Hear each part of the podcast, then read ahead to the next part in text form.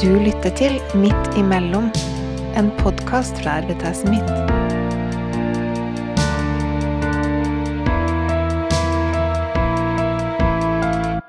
Ungdomsvold er noe vi stadig hører om i media, og voldsutøverne blir yngre.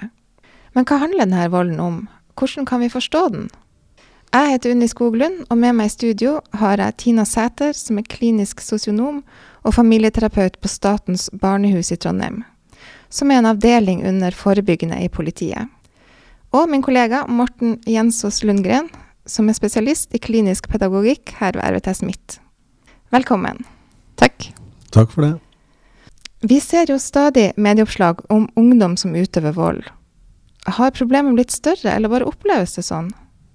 Eh, hvis vi ser på skolen, så melder lærerne om en slags krise i skolen. 56% av lærerne har vært utsatt for vold. Det er en fire ganger høyere risiko enn andre yrkesgrupper. Volden utøves av yngre barn, og spesielt gutter på småtrinnet har det vært en økning. Og i 2022 så var det rapportert 1900 tilfeller av vold på barnetrinnet i Bergen. I 2023 så var, 40, var det en 40% økning i Oslo i, i voldsutøvelse av, av, ungdom.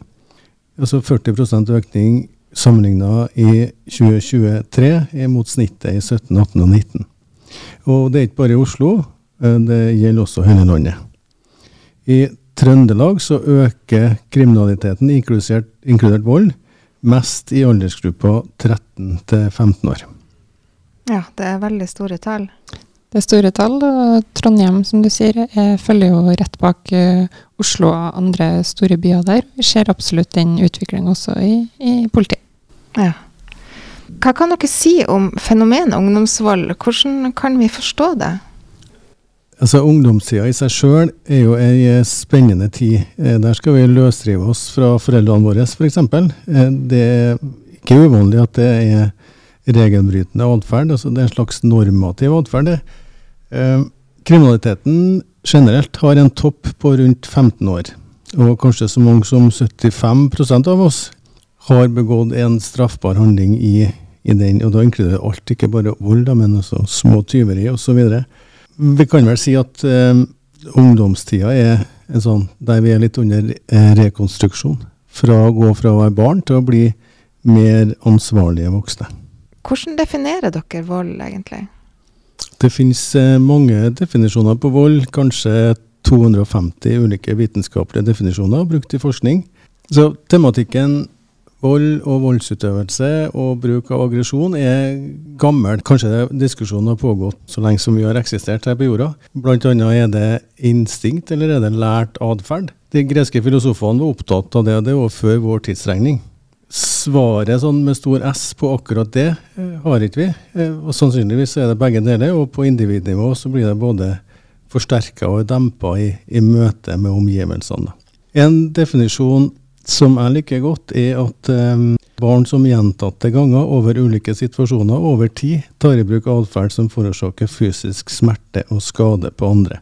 Den uh, definisjonen løfter litt bort ifra at det er en kun intensjonell handling der og da, men at bruk av aggresjon og vold er noe som kanskje ligger latent i oss. Men hvis det blir brukt gjennomgående, så er det et alvorlig problem. Da. I fagterminologien brukes begrepene proaktiv og reaktiv aggresjon og vold. Men hva er egentlig det? En grovinndeling kan være å dele inn i proaktiv vold, eh, dvs. Si planlagt voldsutøvelse, kanskje for å oppnå noe, ikke nødvendigvis utøvd i effekt, men har en annen funksjon, som f.eks. tilhørighet til en vennegruppe. Og så har vi den andre gruppa som kan beskrives som reaktiv vold, som en reaksjon kanskje på en reell eller opplevd trussel, og den kan være i affekt. Altså Hvis vi blir trua nok, så slår vi kanskje tilbake.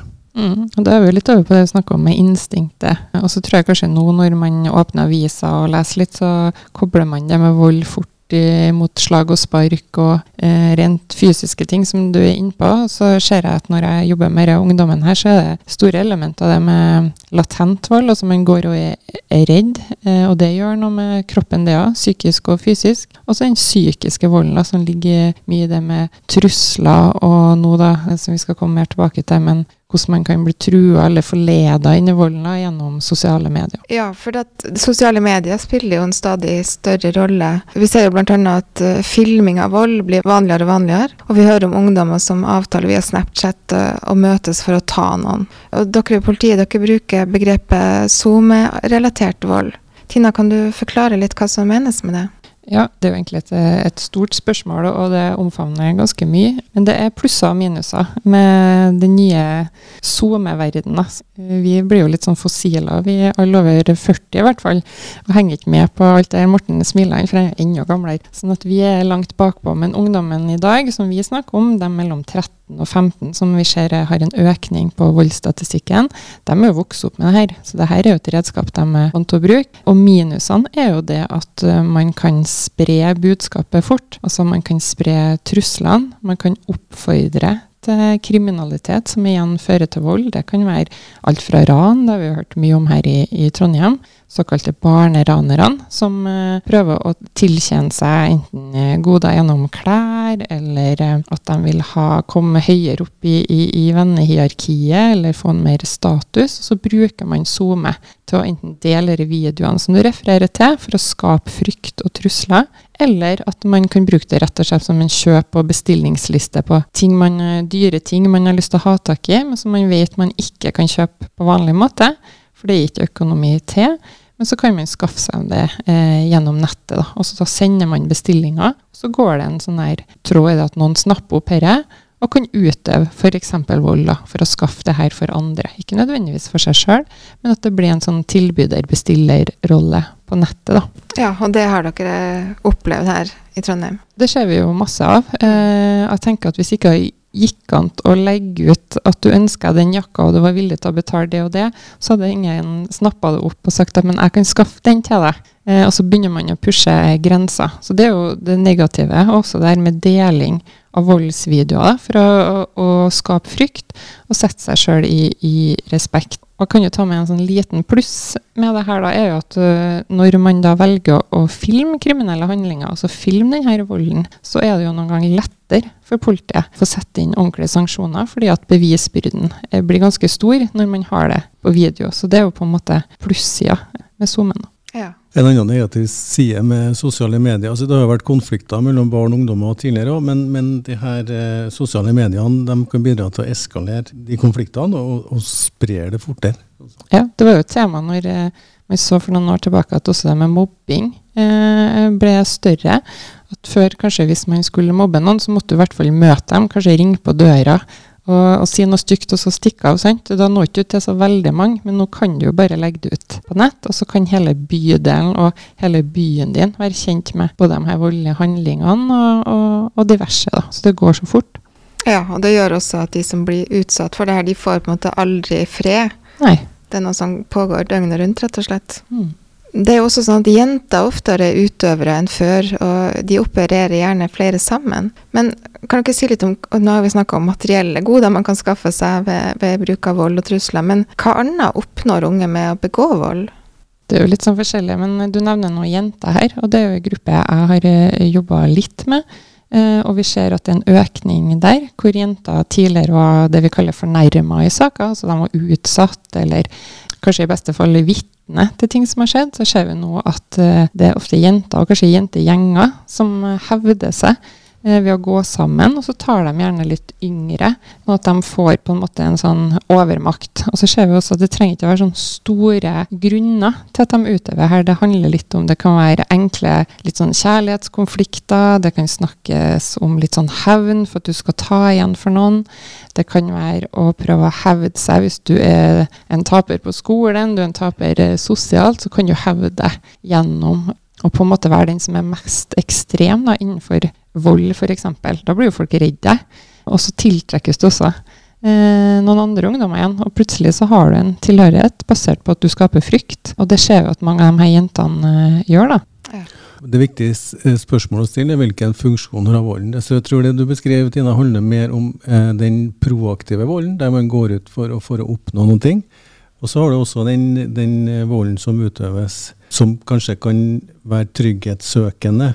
Eh, det var en gutt som, som slo og sparka andre på vei ut fra klasserommet. og uh, når du forsto han, eh, og gikk, lærte mer om hans bakgrunn og forsto hans oppveksthistorie og hvilke faktorer som har påvirka han, så, så hadde han opplevd vold av flere. Så når han kom i den situasjonen og skulle gå ut i gangen, så ble han på en måte trigga. En slags traumetrigger. Så han slo og sparka rundt seg for, for å oppnå trygghet. Han følte seg veldig trua. Og det er jo viktig at man belyser de her ulike elementene for hvorfor man utøver vold. For det kan jo være at uh, når man leser det spesielt i aviser, så høres det ut som en sånn åh, her var en skikkelig rampete ungdomsgjeng, og dette må vi få has på. Men i denne gjengen da, så er det mange ulike skjebner og mange ulike historier. Og jeg tror at uh, grunnen til at uh, de her ulike ungdommene utøver vold, den kan være ganske ulik. Ja, og det får dere litt innblikk i på, på barnehuset. Ja, absolutt. Det at uh, å jobbe med noen som utøver vold fordi at de frykter ting sjøl, eller at de sitter inn med gammel sinne og aggresjon for ting som har skjedd mot dem kanskje når de var mindre, eller at de rett og slett uh, kommer fra hjem hvor det har blitt uh, utøvd vold, sånn at man adopterer hva man har erfart hjemme. Og det så jo noe tall på det her nylig, at én av tre av de her ungdommene som blir tatt av politiet for at de har utøvd vold, eh, har eh, familievoldssaker på seg fra tidligere, og så de har vært involvert når de var yngre, i vold i hjemmet. Da. Ja, og da er det dem som har blitt utsatt? Da har de blitt utsatt sjøl, mm. fra, fra, tidlig av. Ja, for da er vi inne på, på samfunnsutviklinga, på hvordan, ja, hvordan det her henger i hop. Kan dere si noe om hva vi som samfunn kan gjøre for å motvirke trenden med de her unge voldsutøverne? Vi diskuterer jo mye på jobb til meg. da. Hvordan skal vi få stoppa det? Hvordan skal vi få has på det? Hva er det å komme tidlig nok inn?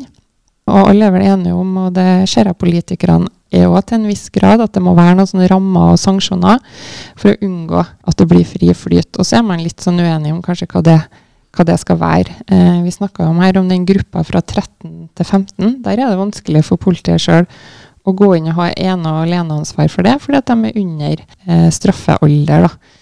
Man har eh, andre ting man kan gripe inn med når de blir over, eh, over 15, og så er det ikke så mye man får gjort når de er under. Eh, så da ønsker man jo egentlig å få på flere. Alt fra skole og um, idretten, miljøterapeuter. At man ikke trapper ned på sånne kommunale tiltak, men heller trapper det opp. da. At det kan være en riktig vei å gå i, i forebyggende sporet. da. Fasiten på det spørsmålet du stiller, den, den finnes jo ikke. og Det er ulike måter å forstå det på. Eh, Tina var inne på det med, med rammer og sanksjoner. Det tror jeg er viktig. Eh, tror, men så tror jeg også at det må være en, en balanse mellom rammer og sanksjoner og støtte og hjelp til utvikling. Vi kan si at det må være en balanse mellom det å ha en struktur i omgivelsene og, og f.eks. relasjoner til dem som, som utøver denne volden. Og så er det viktig, tror jeg, at man ikke ser kun på de handlingene når man skal forstå det. Må gå bak og analysere funksjonen på flere livsområder for de her eh, barna og ungdommene. Familien er viktig, skolen er viktig, vennerelasjoner er viktig, bl.a. Og ikke hopp rett til konklusjon ut ifra den handlinga som man ser. For være, en handling kan være lik, men bakgrunn og funksjon kan være totalt forskjellig fra to forskjellige ungdommer. Og det sier jo litt om at vi må forstå det for å treffe riktig med tiltakene. Mm, ja, viktig poeng. Det er jo sånn at uh, Ungdomsvold er jo blitt et nasjonalt fenomen som kanskje særlig merkes i de store byene. Og nå har Helsedirektoratet bedt RVTS om å bidra til et rammeverk om hvordan forstå og forholde seg til ungdom med voldsproblematikk. I tillegg er RVTS midt i gang nå med å undervise alle lærerne i Trondheim for å gjøre dem bedre i stand til å møte vold i skolen. Morten, kan du si litt om hvilke råd dere gir dem? Kompetanse om vold og voldsproblematikk er viktig. Når det gjelder på skolen, så, så kan jeg finne på å tenke at volden ikke har oppstått i klasserommet, eh, og at vi må se på um, ting er hvordan vi møter barn og unge i, i, på skolen, men vi må også se på det systemiske, altså hvordan de fungerer på andre livsarenaer, og hvilke erfaringer de får med seg derfra. Og så tror jeg det er viktig at arbeidet er systematisk for å um, sette i gang tiltak, og evaluere de tiltakene man setter i gang, istedenfor å gi oppmerksomhet og, og, og, satse på at det går bra. Det var et eksempel fra en som, som hadde en sønn, som, en som jeg kjenner godt, som um, hadde noen utfordringer på skolen. og De hadde møter. Og så kom, kom vi på ansvarsgruppemøte og sa hva han hadde gjort siden sist. og Det var ganske grove ting. Og så avslutta man med men han er jo en sånn snill gutt, egentlig. Og det syns han faren da var Det var fint å høre det, men samtidig så var ikke det noe system, og det var ikke noe målretta tiltak som kunne evalueres i etterkant. Nei, så det er det med konkret hjelp er manglende delvis da i skolen? Jeg vet ikke om det er manglende, men det er vel én del av svaret, sånn som jeg tenker. da. Mm. Så er det jo kjempefint med risikovurderinger. Det er noe både jeg og Morten eh, har brukt mye tid på. Eh, og i de risikovurderingene så ser man jo på risikoen for ny vold, og man ser også på ulike tiltak for å hjelpe det. Og det vi kanskje ligger litt sånn bakpå, eller som jeg tenker Jeg tar av meg hatten for disse lærerne, for de står i mye. Og nå er temaet vold, men eh, det er mange ting de skal forholde seg til. sånn at jeg er jo veldig forkjemper på at man får flere faggrupper inn i skolen og kan bistå lærerne. også miljøterapeuter, ungdomskontakter. For at barna som vokser opp nå, de har eh, mye mer sånn eh, innspill fra diverse ting eh, gjennom SoMe som må tas tak i. Så det er mye som skjer i et klasserom, annet enn norsk og, og matematikk. sånn at dere, når vi har vært inn og satt det i systemet, som Morten snakker om, så må vi være flere som kan hjelpe det. Flere som lærerne kan spille på. Du nevnte det med risikovurdering. Hva går egentlig det ut på? Vi kan si at En eh, risikovurdering er en systematisk kartlegging av ulike faktorer som er forankra i forskning, som både beskytter mot negative handlinger, og som bidrar og som øker risikoen for vold og andre negative utviklingsbaner. Det finnes eh, spesifikke verktøy for det der. En risikovurdering er alltid en individuell vurdering av barn i den konteksten de lever i. Eh, Dvs. Si at det er ikke et individuelt problem som barnet bærer alene. Og dess yngre barna er, dess større ansvar har omgivelsene. Målet er å identifisere hva det kan være risiko for, og så sette inn målretta tiltak for å hindre at det skjer. Og da er ikke fokus kun på vold og aggresjon, men generell mestring av f.eks. relasjoner til andre, eh, kanskje bedre foreldrerelasjoner, og mestring av skole og fritid, og, og ha gode venner rundt seg. Og hva med dere på barnehuset, Tina? Hva opplever dere at hjelper for å nå frem til ungdom som utøver vold, sånn at de skjønner hva de har gjort? Ja, nå møter vi de her ungdommene som allerede har havna i trøbbel. Da. De er gjerne i straffesporet.